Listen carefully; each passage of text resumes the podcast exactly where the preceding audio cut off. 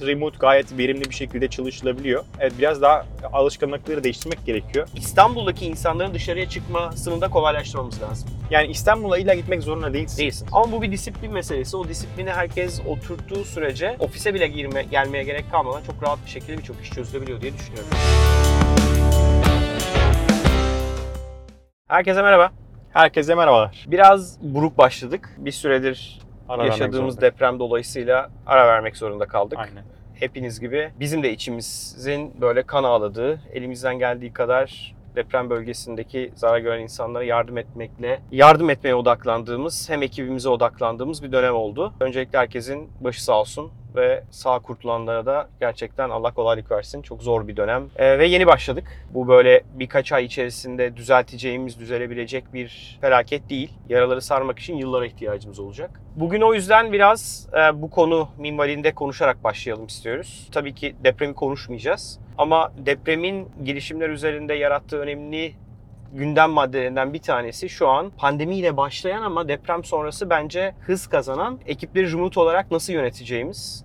Ee, Çünkü- İstanbul'da yaşayan, İstanbul'da kurulu ekiplerin doğal olarak İstanbul'da yaşaması her geçen gün zorlaşıyor. Yaşam isteği de azalıyor. İnsanların İstanbul'da yaşama isteği. Bugün İstanbul'dan nasıl gideriz? Remote çalışmayı girişimler nasıl yapıyor? Bu özelinde bir bölüm yapmayı planlıyoruz. Son birkaç haftadır şeyi çok sık duymaya başladım. Hem insanların aslında işte İstanbul depreminden korktuklarından dolayı İstanbul'dan taşınmak istediklerini ve şirketlerin de ve bazı girişimlerin de çok güzel teşvikler sağladığını. Örnek veriyorum işte nakliyeyi biz karşılayalım, emlak komisyonlarını biz karşılayalım. Hatta bir girişim şu an Urla'da bir villa kiraladı ve şunu söylüyor çalışanlarına gidip orada çalışabilirsiniz. Bir yıl kalın. Bakın İzmir'de yaşamak nasılmış ve hani Urla tarafında yaşamak nasılmış. İsterseniz de ileride buradan full çalışabilirsiniz. Yani kimle konuşsam hem şirket hem bireysel aslında bir şeyi var. Ciddi bir, ciddi yani. bir düşünce, ciddi bir talep var bununla Var. ilgili. Aslında sen bunu yaklaşık iki sene önce yaptın. İki sene. Ben pandemi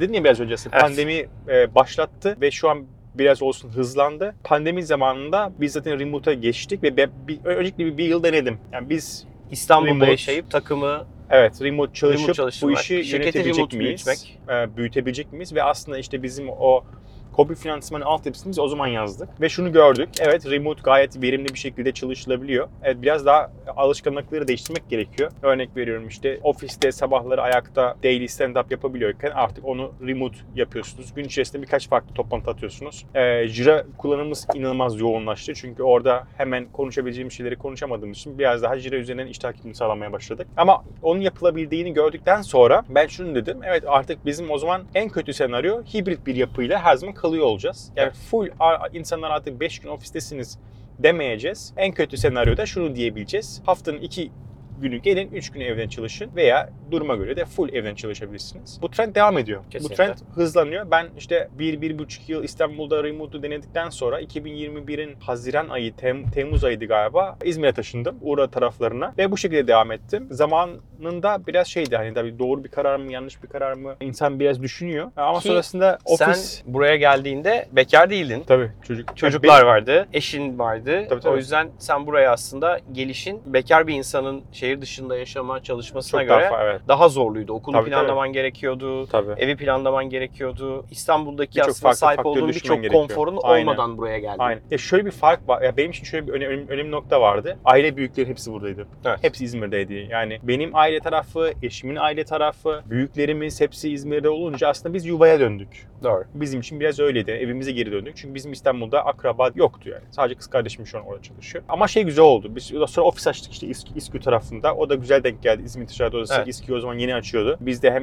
e, güzel ilişkiler kurmak için hem de oraya başka girişimcilerle vesaire tanışmak için orada kendimize bir yer açtık. Ve oradaki ofise ya- ya- yavaş yavaş insanlar gelmeye başladı. İşte şu an bir yazılımcı daha arkadaş var. iki satışçı var. Büyümeye başladık. Figo Para'da bir diğer ekibimizde yeni, işte kaç ay oldu? Ankara 6 ay oldu mu? Ankara tabii Eylül gibi. Eylül. Eylül'de baş, Eylül Evet. başı başladılar. Eylül ayında da Ankara'da bir ekip kurmaya başladık. Ankara'da bir ofisi açtık. Evet. Aslında şu an senin İstanbul'da, Ankara'da ve İzmir'de ekiplerin var. Evet. Bu illerde artık satış ekiplerimiz de var.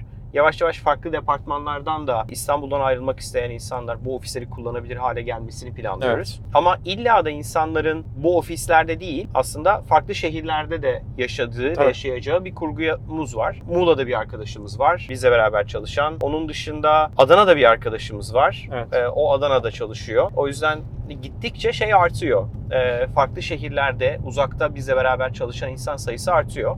Evet. E, ama bence esas konuşmamız gereken önemli konulardan bir tanesi bizim İstanbul'daki insanların dışarıya çıkmasını da kolaylaştırmamız lazım. Ya da İstanbul içerisinde de insanların daha güvenli yerlerde yaşamasını sağlamamız gerekiyor. Doğru. Bence şirketlerin en çok bu ara kafayı yorduğu konulardan bir tanesi öyle. Çok sevdiğimiz bir arkadaşımız e, mesela şu an İstanbul'dan Yalova tarafına taşınıyor.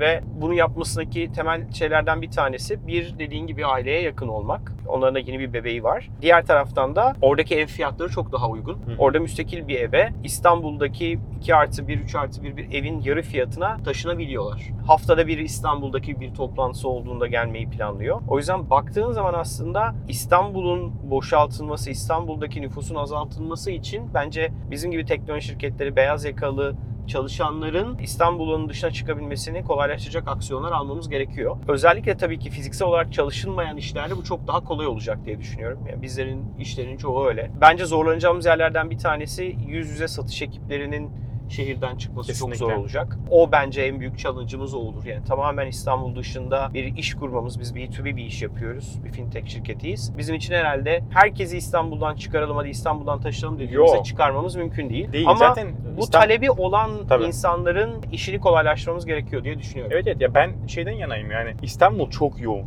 Çok kalabalık ve herkes hani iş için İstanbul'a gidiyor. Aslında insanlara yavaş yavaş bakın hani sadece İstanbul değil İzmir'den de çalışabiliriz. Gel Ankara'dan çalış. Gel ileride Antalya'dan çalış. Gel başka bir yerden çalış. Yani İstanbul'a illa gitmek zorunda değilsin. Değilsin. Yani aynı yetenekleri biz farklı şehirlerde şehirlerde toplayabilirsek Doğru. o yetenekler de başka yetenekler yetiştiriyor olacak. Evet. Başka potansiyel in- insanların önünü açıyor Bugün olacak. Ahmet'le beraberdik. Bu arada biz e, İzmir'deyiz bugün. Biz de diğer şehirlerdeki ofislerde leadership ekibi olarak böyle her ay farklı ofislerde ikişer gün çalışmaya çalışıyoruz. Hem buradaki müşterilerle bir araya geliyoruz hem ekiple bir araya geliyoruz. Hem de daha izole aslında en azından belli planlamaları yapabilmek adına da bize de iyi geliyor yönetim ekibine de. O yüzden Urla'dayız. Arman'ın memleketine geldik yani hep beraber. Bugün de burada bazı girişimci arkadaşlarla konuştuk. Doğan buradaydı. Glocalzone'un kurucusu. Doğan taşındı. Ee, Doğan taşındı. Ahmet var. Ahmet Arslan. Ahmet buraya geleli 5 sene oldu herhalde Ee, Ahmet. 2017'di galiba değil mi? 2017'de geldi Ahmet.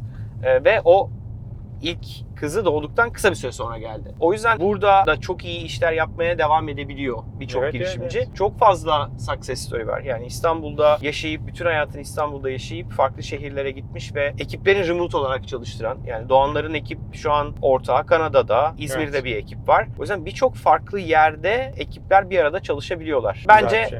e, buradaki best practice'i paylaşmak, remote ekipleri çalıştırabilmek çünkü başlı başına bir başka bir challenge tabii ki. Aynı ofisin içerisinde her gün bir arada olduğu Tabii tabii. sinerjiyi online'da yakalamak kolay olmayacak. Ama bu bir disiplin meselesi. O disiplini herkes oturttuğu sürece ofise bile girme, gelmeye gerek kalmadan çok rahat bir şekilde birçok iş çözülebiliyor diye düşünüyorum. Var mı eklemek istediğin bir şey? Yok bence biz örnek olursak, bizim gibi insanlar örnek olursa umarım diğer girişimler de ve firmalar da aynı harekette bulunurlar. Bu imkanı sağlamak bence önemli. Çünkü şey korkusu var insanlarda. Ya acaba İstanbul dışı yapılabilir mi? Acaba aynı iş imkanı bulabilecek miyim? Acaba orada işsiz kalır mıyım? Acaba kendimi geliştirebilir miyim? Ya yavaş yavaş bence bu değişim gerçekleşecek oluyor. Ve İstanbul'dakine benzer yani. komüniteler de kuruluyor. Yani Evet, Ankara'da. Ankara girişimcilik de çok iyi, İzmir girişimcilik de çok iyi. Burada çok İş fazla yetenek çok güzel var. bir girişimcilik ofisi açtı. Evet tam bizim İSKİ'nin Yani bu da çok güzel bir karşısında. şey yani. Evet. Hareket İş Bankası tarafından. Teşekkür ederiz izlediğiniz için. Teşekkürler. Ee, Swipeline ekibinin bize hatırlattığı üzere lütfen bölümü beğenmeyi unutmayın. Lütfen hala abone değilseniz Swipeline'ın kanalına abone olun ve ayrıca bu konuyla ilgili kendi tecrübenizi lütfen yorumlarda paylaşın. Sizler ne planlıyorsunuz? Neler yapmayı düşünüyorsunuz? Ya da etrafınızda gördüğünüz güzel yöntemler neler var? Ekiplerin hem uzaktan çalışması ile ilgili hem İstanbul'dan İstanbul'da kurulu ekiplerin şehir dışına gitmesini kolaylaştıracak güzel fikirleri, önerileri bekliyoruz. Bir sonraki bölümde görüşmek üzere o zaman. Görüşmek üzere.